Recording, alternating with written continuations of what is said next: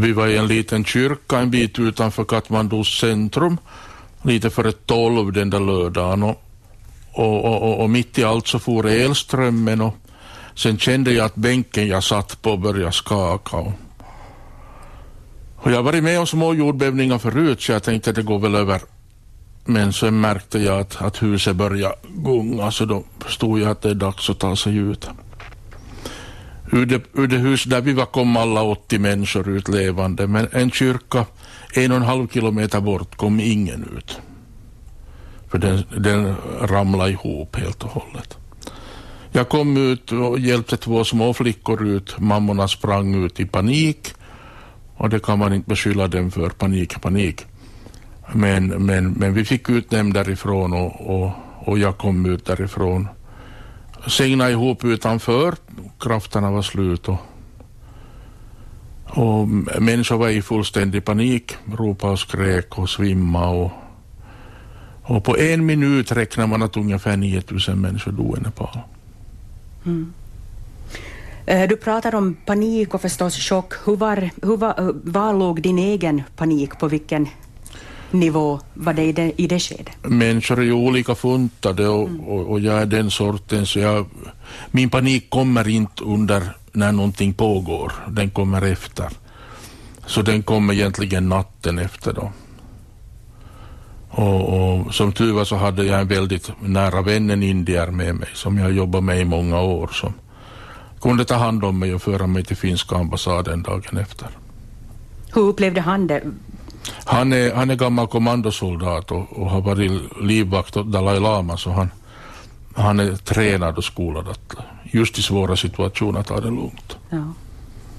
Vad hände då den där, eh, när det kom den där paniken under natten? Vad var det som du upplevde? Hur kändes det? När vi var inne i Gamla stan i Katmandu där gator och gränder är väldigt smala och i efterskalven så slog husen ihop uppe på tredje, fjärde, femte våningen och det regnade tegel. Och människor sprang, elströmmen var borta och människor sprang i panik efter gatorna i bäckmörker med tegel regnande omkring sig. Och vi hade uppe en liten hotellobby och, och, och försökte ta in människor då och bjuda dem på lite te. Men det var ju, man fick ju se ett och annat, lite öppna benbrott och lite sönderslagna skallar och, och, och, och sånt här. Och det var ju hela Katmandu var fullt av sånt. Människor låg på gatorna, hade ingenstans att ta vägen. Mm. Uh, ni försökte alltså skapa någon slags lugn vid ett tillfälle där det inte, ja. där det inte var, fanns ett lugn. Uh, hur, hur, kommer man, hur repar man sig från en sån här sak efter jag kom hem då, jordbävningen var den 25 och jag kom hem den 28 på kvällen och, och, och, och var väldigt trasig, väldigt traumatiserad. Och, men då hade min arbetsgivare Missionskyrkan i Finland ordnat så det fanns terapeut färdigt. Så jag fick som fara direkt följande dag då här i Vasa. Och du klarade dig alltså utan fysiska skador? Ja, jag hade inga fysiska skador. Ett, ett sönderskrapat knä. Mm. Men inuti så var det värre? Inuti var det värre, ja. Mm. Vad pratar du med, no, du behöver ju inte berätta vad du pratar med din terapeut om, men, men vad var det svåraste som du behövde få mest eh, hjälp med? Man behövde få gå igenom de bilder som återkom nattetid. Och jag rusade ju upp mitt i natten och det var jordbävning igen. Och, Här hemma också ja, upplevde du? Ja. Så, så det behövde jag få hjälp med, som pratade igenom gång efter gång efter gång. Så vi, vi hade inte så många samtal, terapeuten och jag, men vi hade långa samtal. Vi hade då. Mm. Mycket bilder av, av, av skadade människor. Och, och, och, människor som rusade omkring i panik och människor satt på gatan helt apatiska mitt på gatan och kom sig ingenstans. Jag hade ju tur som hade en biljett så det, som bara var tre dagar efter och att det funkade så jag kom mig ut. För det var ju många, som, många utlänningar som inte slapp därifrån förrän efter två, tre veckor. Och då finnas i en stad där det är fullkomligt kaos. Alla hotell var stängda, det fanns ingenstans att bo. Det är ganska svårt att förstå om man inte, om man inte är där. Um, var börjar man då för att uh, hjälpa då de tiotusentals drabbade i den här katastrofen. Alltså hur tänker man um, jag menar du som missionär, hur liksom, var, var, var, börjar man, var börjar man först? Det är ju på grund av att det finns ett kastsystem är förbjudet i Nepal, men det finns ju ändå kvar. Och det kommer att ta generationer om det någonsin kommer bort. Och de, och de fattigaste, kastlösa eller untouchables, alltså sådana som inte får vidröras av andra utanför sitt folk. Så de har, de har ingen rätt till statlig hjälp. Och det förstår vi ju inte här. Vi tycker ju det är helt fel, men systemet har varit sånt i generationer. Och det är de som är slavar och tjänare och, och samhället klarar inte sig utan dem, för det där är inbyggt i ett system. Men vi kom till en by då ett år efter jordbävningen och de hade inte fått någon sorts hjälp. Så vi kom dit i februari 2016 och de berättade för oss att under december och januari frös deras spädbarn ihjäl. För de hade ingenting, inget tak över huvudet. Mm. Och mamma och pappa är genomvåta av regn och blåst och det är fem grader. Hur håller man en liten vid liv?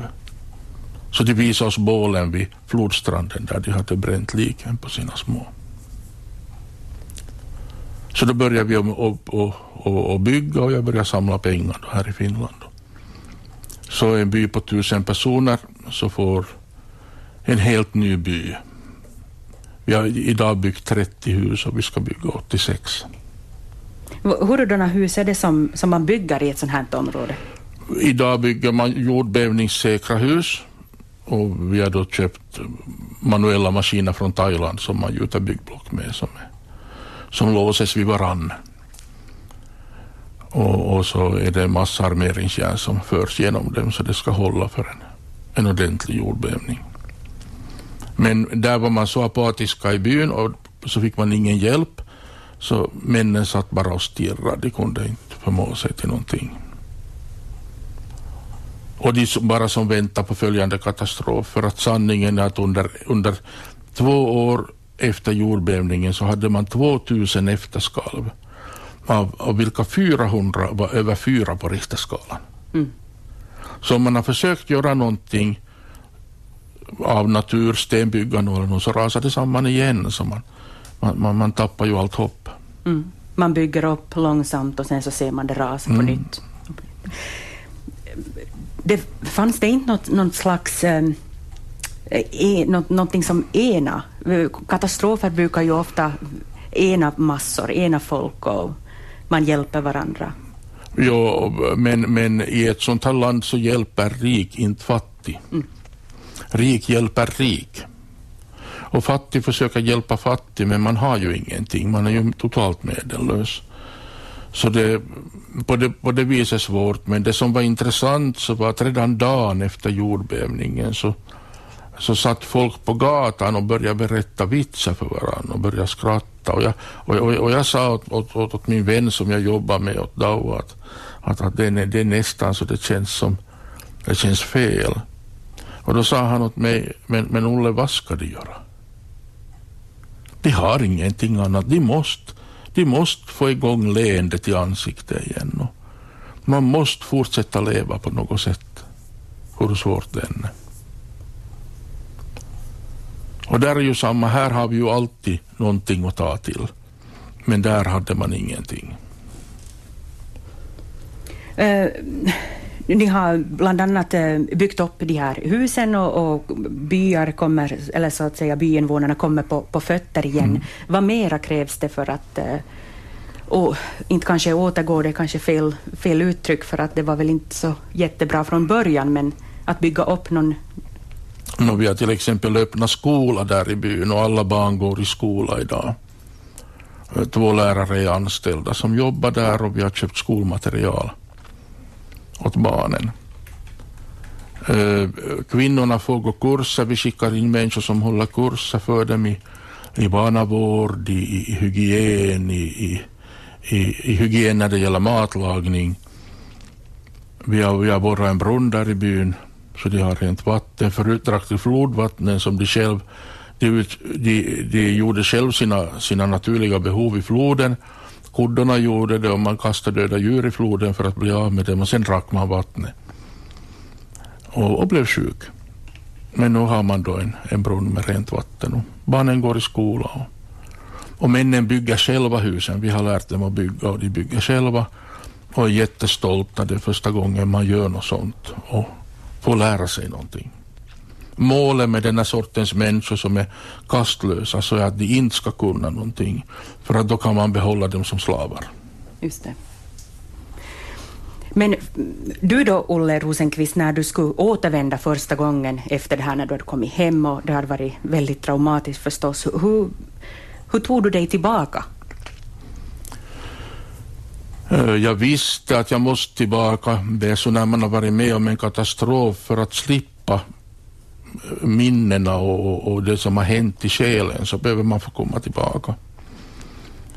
Och, och, och jag får tillbaka då jag tog kontakt med mina vänner där och sa att ni måste vara mot mig på flygplatsen, att jag vet inte hur jag reagerar. Och de var mot mig där och, och det var några efterskalv under den tiden jag var där. Och, så man, jag hade alltid en vattenflaska framför mig. För det, det är enklast att se på vattnet i en vattenflaska och det börjar skaka så då vet man, då är det på gång. Men, men det är klart det fanns en våldsam rädsla där, så pass så jag hade ganska svåra magsmärtor under hela tiden jag var där på grund av nervositet. Men idag är det nog över att inte känner jag något sånt mer. Mm. Hur känns det att, att åka tillbaka, för du har varit som sagt flera gånger tillbaka efter att det här inträffade och, och se frukten av ert arbete och att det går framåt? Hur känns det? No, ett exempel jag var där bara för, två, för tre veckor sedan. Och då var det en gammal kvinna i byn som ju, då har varit en som inte får vidröras av någon hela sitt liv. Mm. Och nu har hon märkt att, att jag låter barnen komma i famnen och de klättrar på mig och har mig som klätterställning. Och så kom hon och ställde sig en halv meter från mig vid min sida och stod och fnittrade. Och så tog hon ett steg nära mig så vi rörde vid varandra och så skrattade hon hejdlöst. Och så steg hon en halv meter bort igen och såg på mig. Och så tog hon stegen nära mig igen och stod en stund och njöt av att, av att vara så nära någon utifrån så att man rörde vid varandra. Det var första gången i hennes liv. Och det är en jättestor sak och det ger ett värde åt en människa som hon aldrig förut har haft. Hur kändes det för dig? Det var stort för henne, men det var säkert stort för dig också. Det var stort på grund av att jag, vet, jag visste att utan oss skulle det inte ha skett. Och det gäller inte bara henne, utan det gäller en hel by eller ett folkslag på tusen personer som heter Maggi-folket och som på svenska betyder fiskare, för de bor vid en flod och har alltid bott där. Ehm, det råder extrem fattigdom i, landet. Hurdan framtid har de här människorna med tanke på att det här är ett område där det har skett naturkatastrofer tidigare förstås och kommer troligtvis att ske igen. Vad, vad har de för möjligheter? Själva ser de inte något hopp. Men de lever sitt idag. Ehm, I byn där i Majigaon som vi håller på att bygga upp, där var man Kanske 90 procent var alkoholister. Fruktansvärt nedsupna människor. Och nu börjar en efter en nyktra till på grund av att man, man ska ju stiga upp och bygga hus. De morgon kommer man har någonting att göra. Vi har sett till att fiskarna de fiskar, de får inte gå till marknaden på grund av att de är kastlösa. De får inte sälja där. Så vi har skickat in folk som tar deras fisk och för den till marknaden och säljer den för fullt pris och för pengarna tillbaka. Och det gör att de också har fått en sorts ekonomi, vilket de aldrig har haft. Så den byn ser en framtid, men det ja. finns ju en massa, massa, massa byar. Och det är vissa människor som säger åt mig, men det är ju bara en droppe i havet, Olle. Mm. Och, och, så, och, och, så säger jag, ja men om det skulle handla om mig. Om någon skulle tänka, om jag hade det svårt, att det är bara en droppe i havet. Tänk vilken, vilken stor sak för den lilla byn att någon kom, tog tag i deras situation och nu ser de på sig själva med helt andra ögon. Nu har de hopp, nu har de en framtid. Nu kommer deras barn att kunna läsa och skriva och räkna och kunna bli del av ett samhälle. Vilket man inte kan om man inte kan läsa och skriva och räkna. Det är helt otroligt. Uh, Olle Rosenqvist, du har just, eller alldeles nyligen, eller för ett par, tre veckor sedan kommit tillbaka från ett besök i Nepal. Har du en ny resa inplanerad inom kort? Jag ska resa dit i oktober. Vi jobbar på flera olika ställen i landet och vi jobbar bland annat uppe i Mount Everest-regionen och, och, och, och, hjälpa där med att, med, med, att både skola kristna ledare och, och göra dem till ledare i, i, i byarna också för att, för att det behövs människor som, som vet vad de håller på med och hur man ska föra ett samhälle vidare. Och, och de här människorna de grundar skolor och de bygger hälsovårdskliniker och de har, de, de, de har, de har visioner och tankar om, om hur deras by ska börja se ut och vad som ska hända där. Och vi försöker hjälpa dem med att, med att kunna tänka rätt och kunna se att det kan hända, det kan bli till någonting. Det kan finnas hopp, eller det finns det hopp? Finns hopp det finns hopp, absolut. Men, men det är också som med dem att i Nepal bryr man sig inte om bergsmänniskor. Man bryr sig om storstadsmänniskor. Och de här bergsmänniskorna så är oftast fattiga människor som lever med sina getter och, och sina får och om det är högre upp sina jakar. Mm. Men, men, och, och, och, och de är också sådana som alltid har trott att det inget värde har. Men att det går på ganska enkla medel att få dem att inse att det liv vi lever här, det är till exempel turister intresserade av. Mm. Att komma till deras by och finnas där några dagar med dem och se hur man lever och äta deras mat med dem. Och för att det är, ett, det är ett liv som snart försvinner det där gamla sättet att leva uppe i bergen i Himalayas kommer inte att finnas några många generationer till. För nu kommer vägarna upp, nu flyger man flygplan upp i bergen, man flyger helikopter. Snart rörs, rörs man och det blir en del av civilisation. Det är det inte ännu och ännu finns det ställen där som är ganska spännande. Mm. Ett liv som inte vi ser av mer det är väldigt svårt för den som inte har besökt de här ställena att faktiskt föreställa sig hur det är. Men eh, du, har, eh, du besöker olika ställen för att prata om det här. Hur viktigt är det att vi är medvetna om vad som händer och hur det ser ut där och hur de här människorna har det? Alltså idag lever vi ju en, i, en, i en global situation där vi har lätt att nå hela världen. Och, och vi har det fortfarande ganska bra i Finland och hoppas vi får ha det. Men vi har också en möjlighet att hjälpa och många länder på jorden har en möjlighet att hjälpa. Så varför ska, varför ska en fattig liten by i Nepal, varför ska spädbarnen frysa ihjäl? Då vi har alla möjligheter att hjälpa dem så det inte behöver ske. Och då tycker jag, då är det som värt då, då är det värt att man sätter sig på ett flyg och att man far dit, man tar sina vänner med och vi åker till byn och vi lär dem att bygga, vi lär dem hur, hur det ska gå till. Vi för dit cement och armeringsjärn och plåtrör och takplåt och drar in elström. Och, och, och från att ha varit människor som inte har något hopp och inte ser någon framtid så är de ganska glada och lyckliga människor idag.